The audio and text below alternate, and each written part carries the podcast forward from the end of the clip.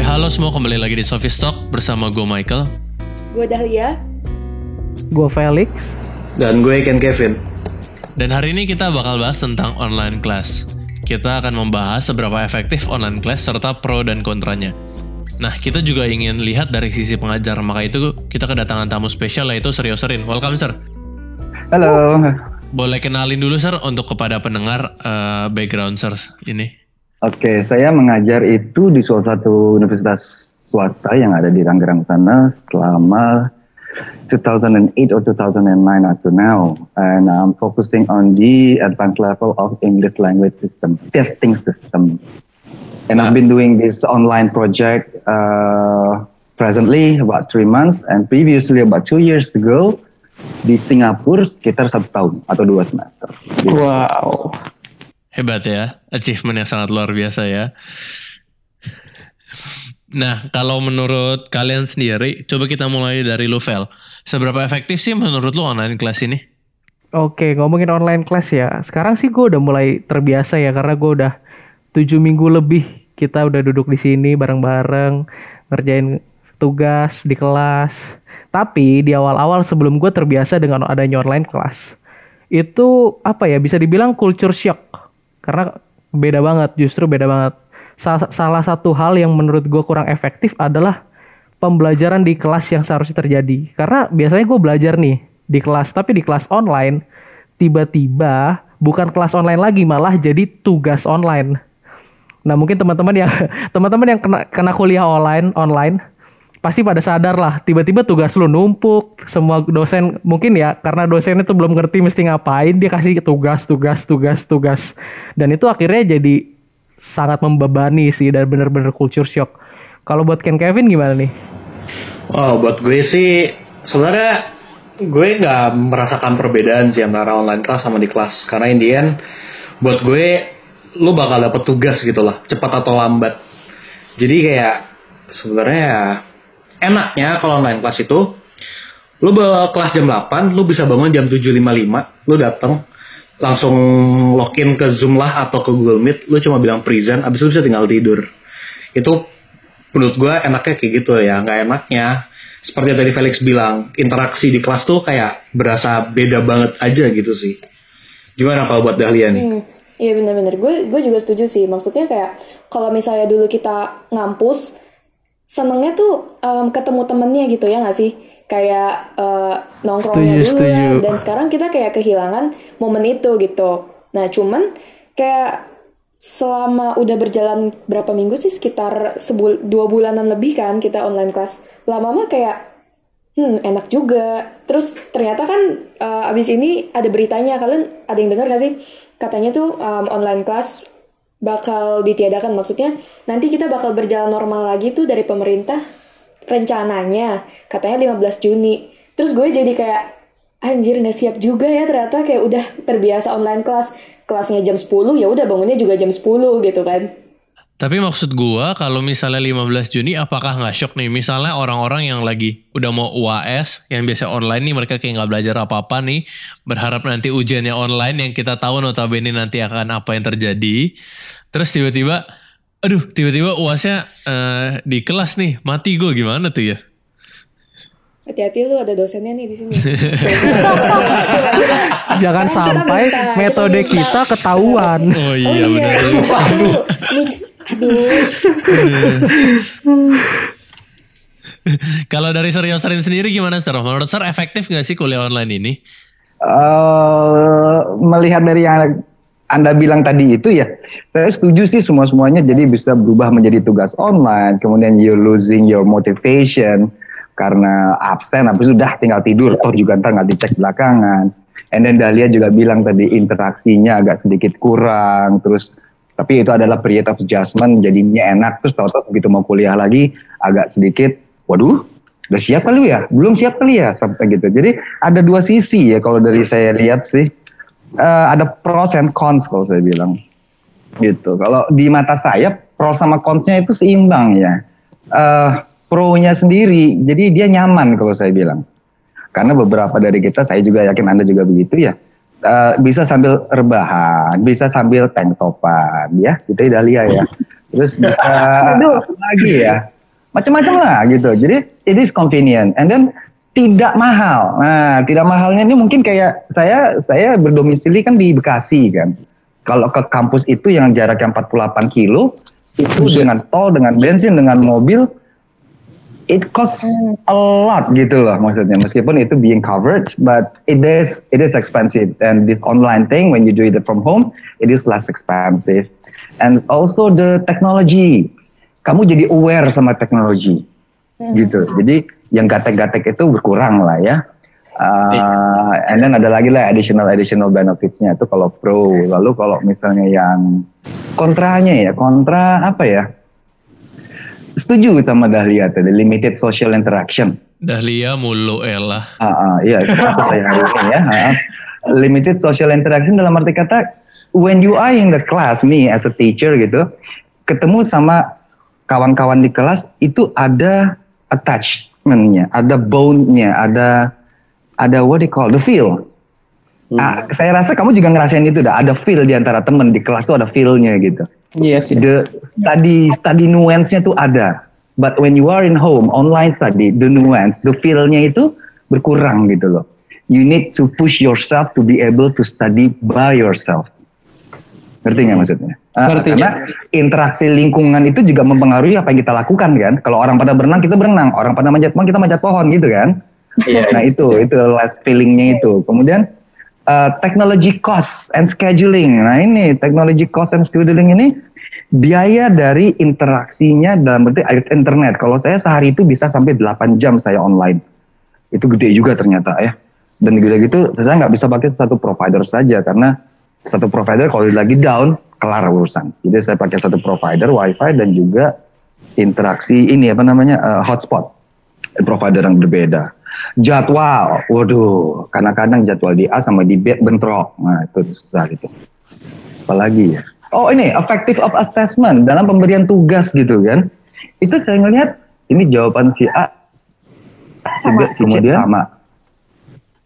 Cara tulis juga sama. Ini copas ini, copas ini. Eh, ini kurang E-nya nih. Ah, si B juga kurang E, si C juga kurang E, ini juga kurang E. Oke, copas ini. Saya hanya tersenyum.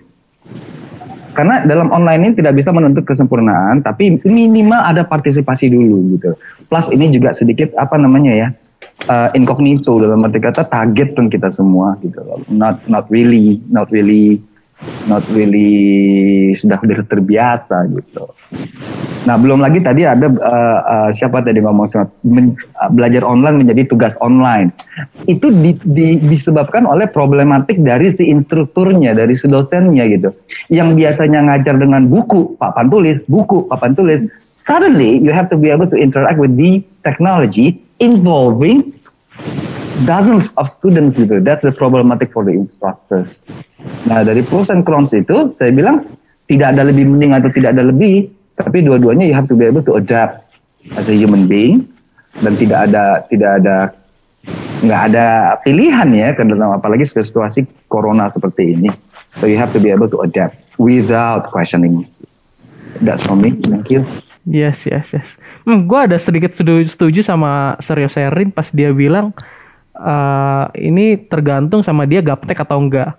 Karena kalau menurut gue ya dosen-dosen yang ada yang gue hadapi ada satu yang mungkin mungkin gaptek nggak tahu dia gaptek nggak tahu dia males ya mereka tuh yang yang gak ngajar gitu akhirnya. Tapi kalau mereka yang sudah biasa dengan teknologi gue merasa fine fine aja gitu belajar dari rumah. Dan gue merasa gue bener-bener belajar. Toh bener-bener notebook gue ada di tangan gue catat apa yang dia tulis dan gue tahu poin-poin penting yang mesti gue pelajari.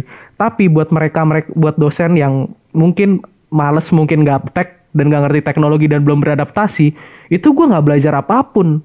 Dan kemarin, kemarin gue baru aja ngelewatin UTS. Nah buat dosen-dosen yang kayak gitu, gue baru belajar itu satu malam sebelumnya dan gue baru tahu akhirnya, oh pelajaran itu ternyata atau kuliah yang gue ambil ini ternyata menarik loh. Nah mungkin itu kalau dari saya ngelihat sisi instruktur nih Pak dosen. Ya jadi tergantung dari individunya masing-masing ya. Iya yes, betul. Iya sih, gue juga setuju. Maksudnya, um, tapi sebenarnya kalau misalnya kayak gini, gue jadi punya pendapat maksudnya nggak um, penting apakah ini online online kelas atau dia tatap muka, tapi itu lebih penting ke subjeknya, ke dosennya, ya nggak? Hmm, I see, I see. Jangan dosen doang, mahasiswa juga dong. Iya cuy, cuma maksudnya em, gini, ada dosen yang kayak, mohon maaf nih, ada dosen yang agak gimana ya ngajarnya kayak nggak enak gitu loh. Terus kayak ya udah dia Mudah-mudahan bukan saya ya. Kalau ser nggak asik kita nggak undang ser. ada ada ada ada murid saya yang meninggalkan saya keluar dari kelas gara-gara nggak mau ikut pelajaran saya ada itu. Aduh, siapa tuh? buat para pendengar Sofi Talk ini boleh banget loh di follow ya uh, Serius Arin tuh orangnya paling asik banget jadi dosen nggak bosen nggak pernah bosen datang kelasnya ya nggak itu nggak mempengaruhi sertifikat di Alia ya. Oh iya maaf maaf maaf Boleh lah bridgingnya boleh lah. Go on, go on, go on. Lanjut, lanjut, lanjut. Oke, gue eh, saya lanjut lagi. Jadi ada maksudnya eh, gue pernah ikut juga si Felix sama Ken juga pernah ikut nih, pernah ikut kelas lain ya kan? Pernah ikut untuk subjek yang sama, tapi dosennya beda dan pembawaan materinya tuh beda banget. Kayak gue langsung ciling ngerti gitu loh sama ini dosen. Jadi kayak kalau misalnya disimpulin, sebenarnya tuh nggak nggak terbatas sama medianya. Kayak nggak terbatas lu mau tatap muka untuk ma- untuk pelajaran nih. Nggak terbatas uh, tentang dia pakai online class atau dia tatap muka tapi menurut gue lebih ke cara bawanya cara ngajarnya si dosen gitu. Gimana? Oke, oke. Ken sama Felix nih yang udah pernah nyusup Kalau menurut gue ya, kita nggak boleh lihat dari sisi dosennya doang. Nih gue pengen belain pak dosen nih. Karena kalau misalnya kita lihat dari dosen ya doang, gue lihat ya. ya ampun. Ini benar-benar open minded gue ngelihatnya. Oh, Oke oke oke. Karena kalau misalnya kita lihat dari sisi dosen doang, kita nggak akan kulik ini secara lebar. Menurut gua, ini tergantung dari individunya masing-masing juga harus perlu dibahas dari sisi mahasiswanya. Kalau misalnya mahasiswanya yang nggak mau beradaptasi dengan cara pengajaran online kayak gini, ya mereka alhasil cuma buka HP, buka Google Meet, absen sambil tiduran, mungkin sampai tidur lagi. Dan akhirnya kegiatan belajar dan mengajar nggak terjadi, cuma ada mengajar. Nah percuma kalau misalnya dosennya udah antusias, udah oke dengan teknologi dan dia udah mengajar dengan baik, tapi mahasiswanya juga nggak mau adaptasi. Nah menurut maksud gua tuh di situ. gue Eh, juga mau nambahin mau nambahin doang sih kayak buat gue juga kayak kalau emang lu daripada dasarnya nggak niat kuliah lu mau sama dosen siapa pun mau online atau offline lu bakal gak niat gitu loh. Kayak kalau buat gue sih buat online atau nggak online selama lu maksudnya ada niat belajar lu akan berusaha belajar. Kayak misalnya gue gue tahu salah satu salah satu dosen gue memang nggak enak buat ngajar gitu. Gue selalu nyusup ke kelas lain biar materi yang tiap kali di atas itu gue kayak setidaknya ada idea gitu. Oh materinya tuh kayak gini. Jadi kayak buat gue ya ini kayak in my opinion doang itu balik lagi ke yourself gitu. Nggak ada yang maksudnya kuliah itu kan kayak pilihan lu gitu. Lu mau misalnya jadi kupu-kupu kuliah pulang kuliah pulang atau lu jadi orang aktif kuliah rapat kuliah rapat atau lu mau cuma kuliah nangkring kuliah nangkring itu kayak your choice gitu. Kayak orang tua lu ya sebagai ibaratnya yang support lu ya kalau lu misalnya emang bisa menghargai mereka ya lu kuliah yang bener sih itu oh di sini di sini udah nggak ada kupu-kupu sekarang ada kuti-kuti kuliah tidur Apa kuliah tuh? tidur Buset. Kalau Nice gue pikir kuma-kuma. apa tuh apa tuh Apa tuh? Kuliah mabuk, kuliah mabuk. Eh, waduh Waduh. Tapi itu beda cukup beda dunia kita beda kangen sih. sorry sorry Cukup cu- cukup kangen ya untuk bisa kuliah, bertemu sama dosen. Terus habis dari situ kita mungkin bisa ngajak Holy Wings atau ngapain gitu kan. aduh nambahin sedikit tentang apa sih namanya yang uh, tentang apa uh, tergantung dosennya apa tergantung dari mahasiswanya. Both both correct ya.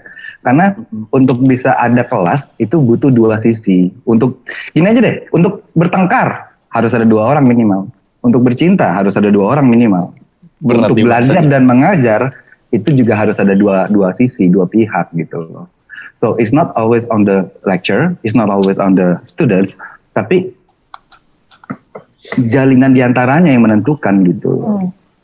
Kalau Well saya pikir sih begitu. Eh, eh. contoh paling gampang deh kalau misalnya seorang eh, apa ya yang paling gampang itu suami istri deh. Kan bukan dibilang suami saja atau si istri saja, tapi pasangan suami istri. Karena yang membuat suatu rumah tangga itu berjalan adalah kata pasangan tadi, not the husband, not the wife, tapi pasangan tadi, mereka. Nah, kelas juga begitu ya bukan si dosennya, bukan si mahasiswanya, tapi mereka gitu. But again, the motivation itself when it comes to the online learning, yeah, it's a bit ini ya, a challenging sih gitu. The lack of the lack of uh, face to face to face time itu between student dan lecturers bisa encourage problem lagi, terutama bagi inexperienced students. Kalau misalnya tadi si Dalia bilang tentang murid yang balik, tapi di kelas lain langsung cling, itu kan kategorinya adalah potential students gitu ya. Nah, this kind of potential students kalau ketemu sama dosen yang uh, sedikit bermasalah dalam online learning is going to be a subject, really really is going to be a subject. But again, a good lecture yang sudah nggak nggak nggak problematik, tapi ketemu sama student yang sedikit yang si Felix bilang tadi yang uh, kuliah tidur kuliah tidur uh, itu agak problem juga gitu. So it's not on one side, but it's on the both side mereka gitu. That's I think about it. Hmm. And less of a problem for more uh, major learners and teachers who have experience in in online learning adalah self motivation sih base-nya. Si dosen bisa belajar tentang teknologi kalau dia mau. Si murid bisa belajar beradaptasi kalau dia mau. Self motivation, I think that's the base, not. Yes, yes, yes, yes. yes, yes. Yeah. Tapi sir, ya, kalau iya itu dalam banget sih. Gue pengen tanya deh jadinya. Sebenarnya kalau misalnya serius sharing nih ya disuruh. Ini saya ngomongnya turun dalam-dalam pas suruh enteng-enteng. Oh nggak masalah. Bebas, bebas. bebas. Sedalam-dalamnya boleh, saya enteng-entengnya boleh. Setinggi-tinggi langit, Sar. gitu. gue pengen nanya nih, serius sharing kalau misalnya disuruh milih online class atau offline class, boleh nggak kasih tahu tuh both side kalau misalnya milih ada pro-nya, ah, bukan pro-nya siapa di balik itu apa gitu personally as a lecturer? Yes. Yes. Oh, I really really prefer oh apa direct class ya. Meeting face to face to each other. Kalau misalnya kita di kelas deh, kalau uh, personally ini ya, saya bisa lihat oh si A nggak ngerti gitu. Misalnya pelajarannya apa ya?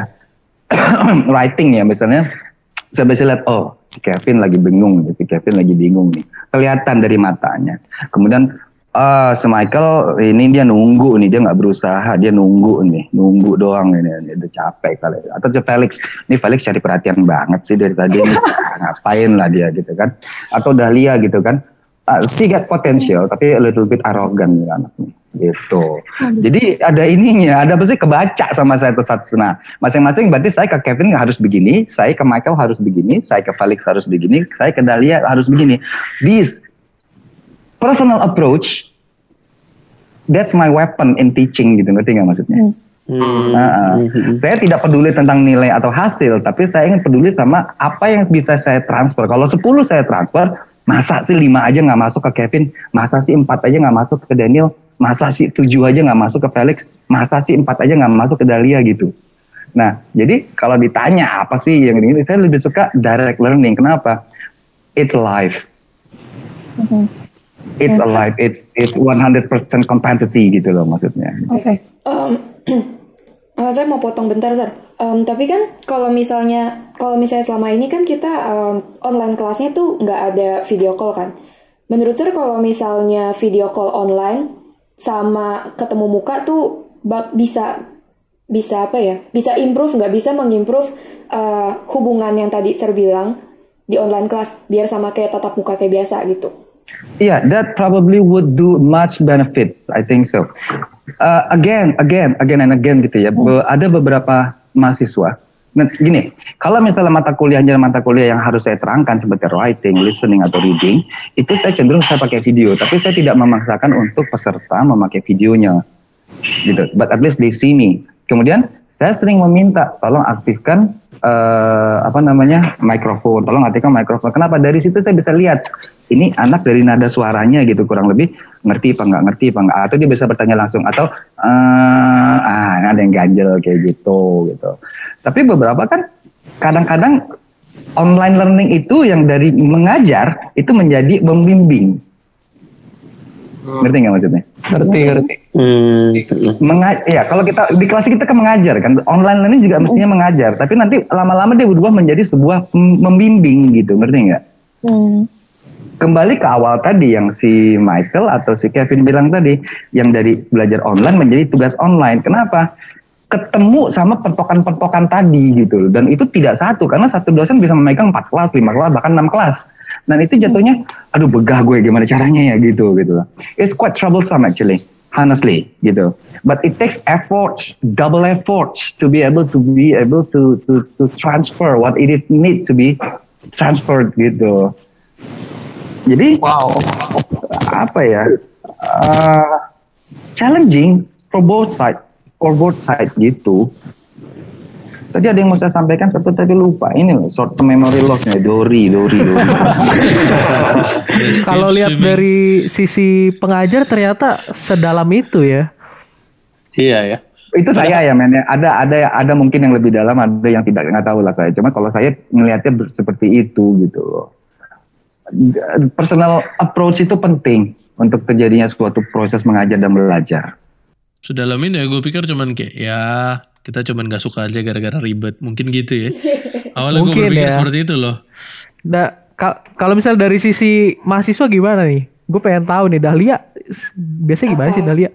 Lu lebih yang prefer mana kalau lu Dal? Online Apa? or offline? Oh, em, sebenarnya kalau misalnya dari sisi efek eh, apa ya dari dari kayak sisi agak negatif dalam tanda kutip lah gitu ya. Kayak gue sih lebih prefer online kelas ya. Kayak secara lu bisa bangun jam 10, kelasnya jam 10 gitu dan gak telat ya kan. Itu gue senang banget, itu gue paling seneng tuh.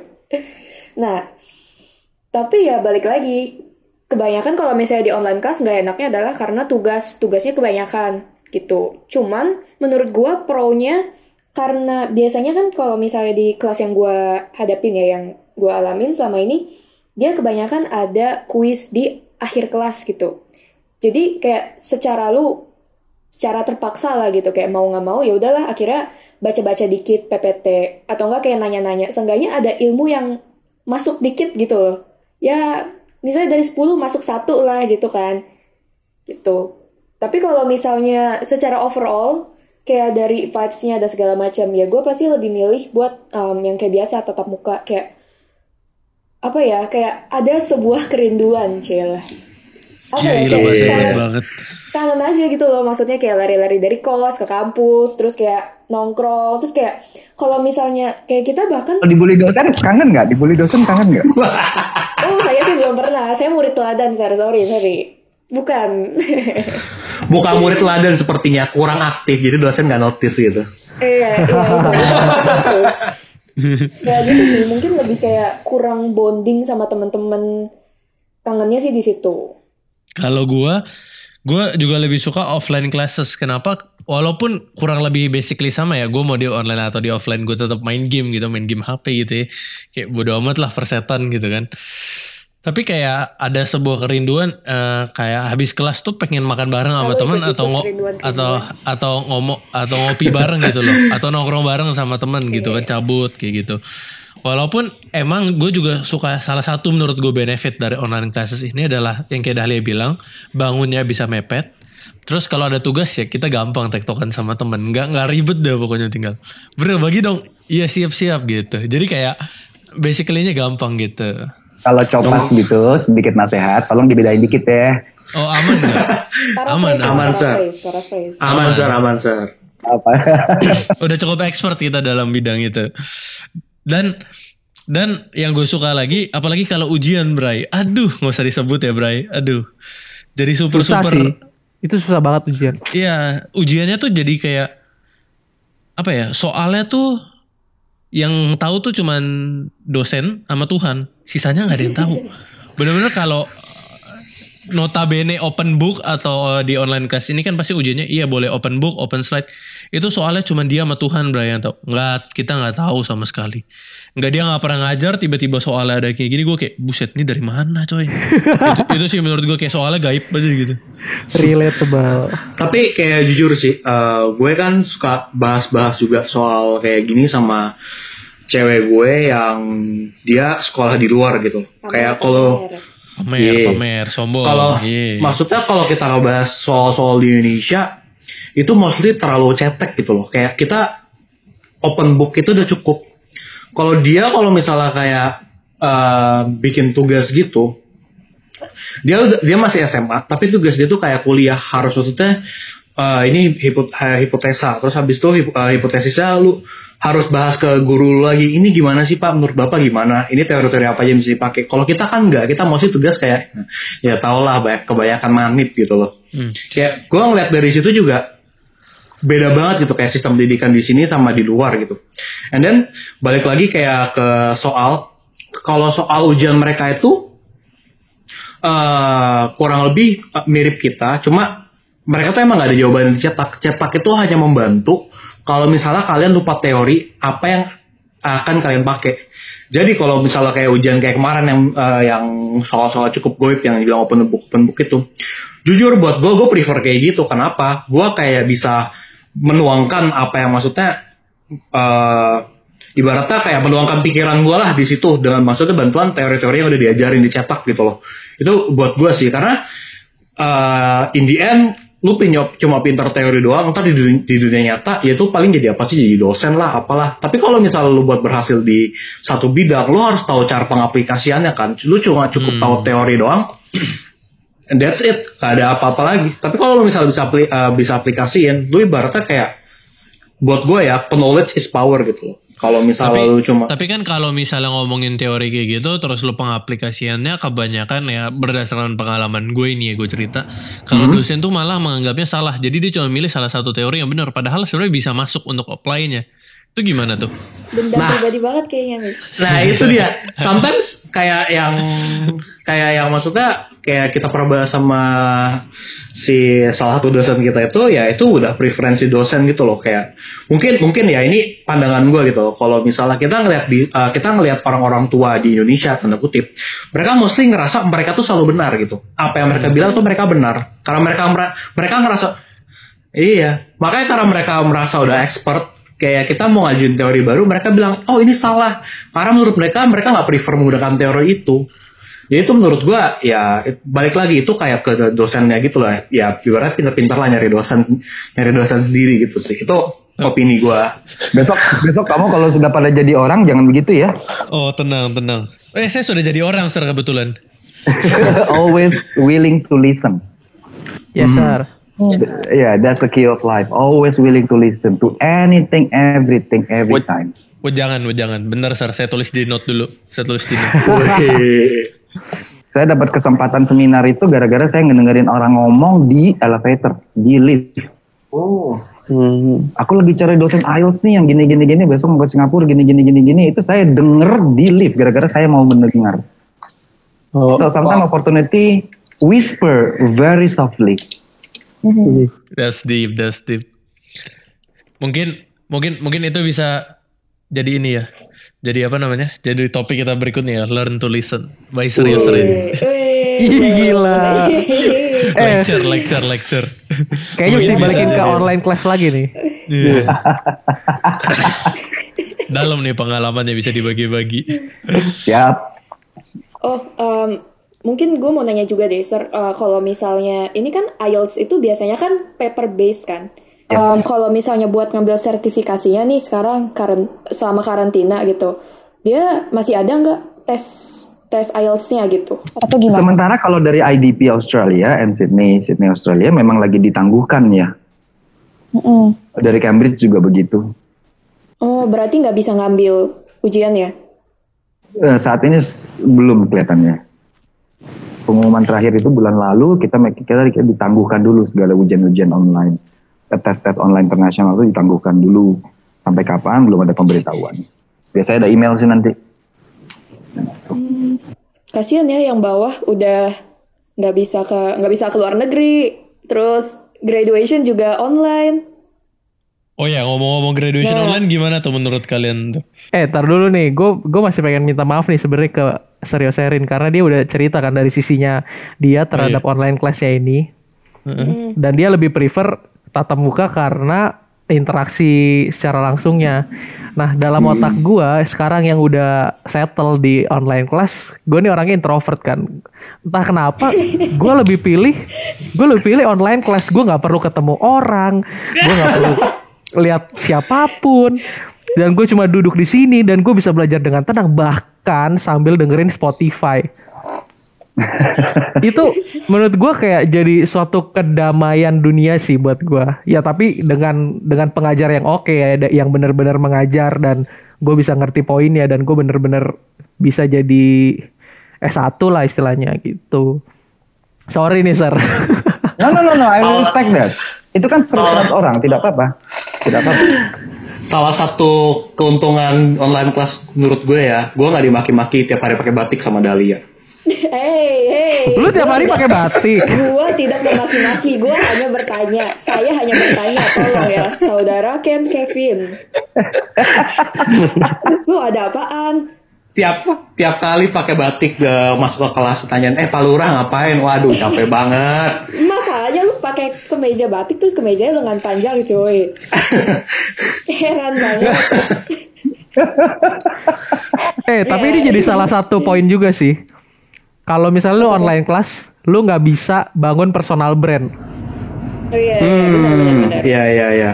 Lu nggak bisa kayak menarik mulai, ya lu nggak bisa memulai percakapan juga gitu. Kayak gue kalau misalnya nggak ngeliat kan pakai kemeja batik, gue pasti kayak bingung gitu kan. Gue mau chat Ken, Ken Kevin apa gitu. Cila, pengen banget di chat. Aduh. Aduh. bener misalnya ya intinya kayak gitu kayak em, nggak balik lagi nggak ada cara buat bonding sama teman-teman gitu kurang social interactionnya gitu mungkin ya yes. Hmm, benar-benar itu kayak misalnya kan kalau mahasiswa biasanya banyak yang jualan atau punya bisnis gitu kan. Nah gue sendiri juga punya bisnis. Biasanya kalau misalnya ada off ketemu offline ketemu secara langsung kan ada word of mouth nih. Eh gue jualan ini nih gue jualan barang ini nih.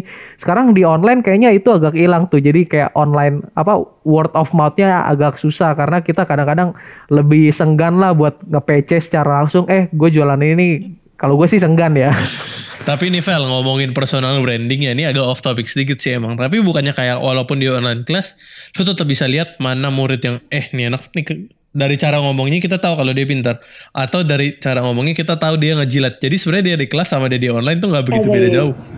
Oh, Sar, mau nanya Sar, opini opini. Eh, menurut Sar gimana apa namanya eh, buat ngadepin kayak orang yang ngejilat Sar gitu? Mahasiswa yang ibaratnya tanda kutip suka menjilat dosen. Ambil muka, baiki bahasa, ambil Oh ya ambil muka. Ah, cari muka, cari muka, carmuk, carmuk. Ah, besok di kantor kamu pakai bahasa kasar gitu nggak kepake kamu sama orang. Ini orangnya kasar Waduh. nih gitu. Belajar bahasin bahasa, jadi besok di kantor kepake sama orang. Pak Lurah nggak boleh berkata kasar Wah, iya. agak ya lanjut Pak. Maaf lah kebiasaan, kebiasaan. Eh, saya ke murid itu selalu positif ya, selalu selalu selalu positif. Sebengal apa pun dia, saya selalu positif duluan. Ngerti nggak maksudnya? Eh, paham. Iya, saya selalu positif duluan. Jadi kalau misalnya dia seperti itu, saya sambut. Apa pun itu yang mereka lakukan, saya sambut. Saya terbuka. Always, always, always gitu. Karena gini loh, men. Kamu umur berapa sih sekarang rata-rata? Ya 21. 21 21 Iya, 20 gitu kan ya. 20-an gitu lah ya.